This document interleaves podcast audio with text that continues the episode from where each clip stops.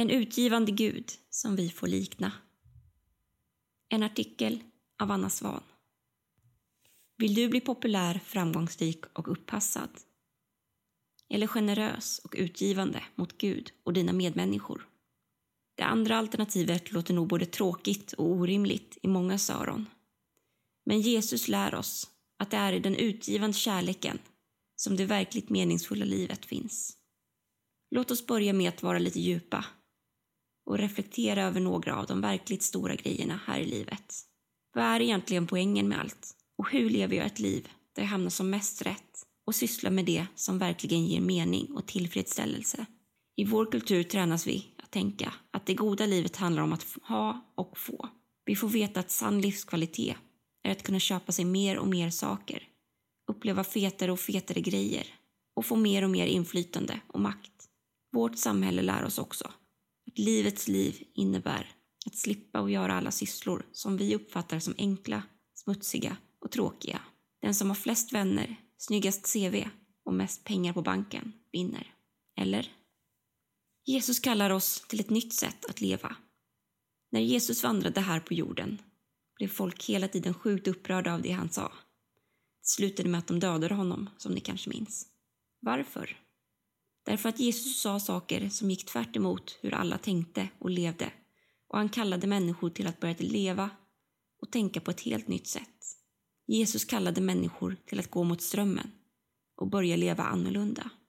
Samma sak gör Jesus med dig och mig idag. Jesus kallar också dig och mig till att börja leva och tänka på ett nytt sätt. Ett sätt som är annorlunda och som går mot strömmen och som kan verka sjukt upprörande för andra. Jesus kallar dig och mig till att leva ett liv där fokus faktiskt inte är att ha och få utan att ge. Jesus kallar dig och mig till ett liv som inte handlar om att leva för oss själva utan om att tjäna Gud och andra människor. Jesus kallar dig och mig till att ge till andra av tid, energi, pengar och förmågor även om det inte ger cred eller bidrar till vårt CV. Vår sanna identitet. Vår kultur berättar för oss att vår sanna identitet finns i att vara populära och framgångsrika.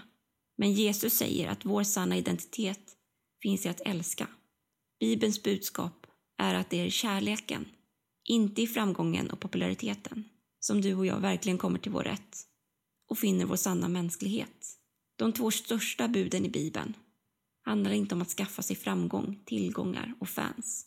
De handlar om att älska Gud och andra människor. Du ska älska Herren din Gud av hela ditt hjärta och av hela din själ och av hela ditt förstånd. Det är det största och första budet.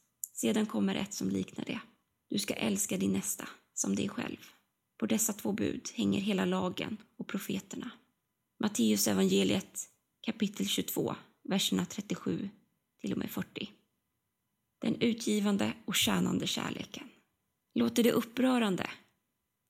Kanske inte än. Men låt oss ta en titt på hur Bibeln definierar kärlek. Kärlek är inte i första hand en känsla, säger Bibeln, utan ett verb, alltså någonting man gör. Kärlek är inte i första hand fjärilar i magen, säger Bibeln, utan att ge av sig själv till andra. Det tydligaste exemplet på vad kärlek verkligen handlar om ser vi på Golgata kors. Där ser vi Gud själv utblottad, misshandlad och övergiven. Jesus ger sitt liv på korset för att vi ska få leva. Ty så älskade Gud världen att han utgav sin enfödde son för att den som tror på honom inte ska gå förlorad utan ha evigt liv.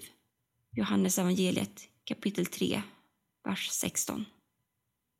Den utgivande och tjänande guden. Bibelns Gud är en utgivande Gud. Bibelns Gud är med andra ord inte som ett stort svart hål eller som en blodigel som suger ut och tar och har sitt fokus inåt. Bibelns Gud är en Gud vars fokus och väsen är att ge. Gud har sitt fokus utåt, på andra. Bibelns Gud är som en fontän. En fontän av kärlek, glädje och liv. Gud är kärlek. Det betyder att Gud hela tiden är inriktad på andra och på att ge och dela med sig av allt det goda som han är och har. Som kristna tillber vi inte en Gud som kom till jorden för att bli populär, framgångsrik och uppassad. Bibelns Gud är inte en influencer som behöver dina pengar, beundran och assistans för att stå ut med sig själv. Bibelns Gud är en generös och utgivande Gud som har gett upp allt och blivit fattig, hatad och spottad på. Bibelns Gud är en Gud som har gjort det grövsta av alla grovjobb när han tog alla världens synder på sig och betalade priset för dem när han dog på Golgata kors. Och allt detta gjorde Gud för att han vill ge dig och mig och hela världen liv. Du och jag är skapade till Guds avbild och det betyder att också vi hittar vår sanna och djupare, djupaste identitet i att vara som små fontäner. Vi är med andra ord gjorda för att se andra och för att ge och dela med oss till andra av det som vi är och har. När vi undrar vad livet går ut på och hur vi ska leva för att hitta mening och tillfredsställelse ska vi titta på en enda person, den korsfäste Kristus.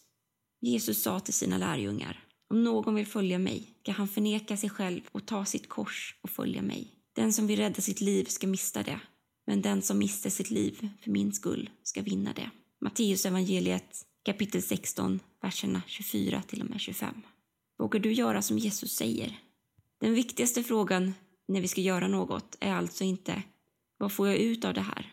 Utan hur kan det här bidra till Guds rike och vara till glädje och välsignelse för andra människor? Det är så lätt att köpa tänket i vår kultur. Det är så lätt att tänka att i samma sekund som jag slutar tänka mig själv och min framgång och popularitet så kommer allt dras ihop och jag kommer gå under. Men Jesus säger alltså att det är precis tvärtom. Jesus säger att det är när vi lever för oss själva och för att få och ha som vi till slut kommer att gå under. Livet börjar på riktigt när vi slutar att tänka på oss själva hela tiden och istället börjar leva för att tjäna Gud och andra människor.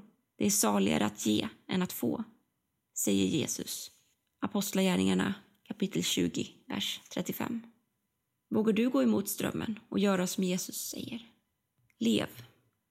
Gör något för ditt kristna sammanhang i höst som inte ger cred bland dina vänner eller ser bra ut på ditt CV. Prata och umgås med en person du tycker är jobbig men som du vet inte har så många tajta vänner nästa gång du är på läger eller i ungdomsgruppen. Gör bra saker för Gud och andra människor utan att berätta om det för någon.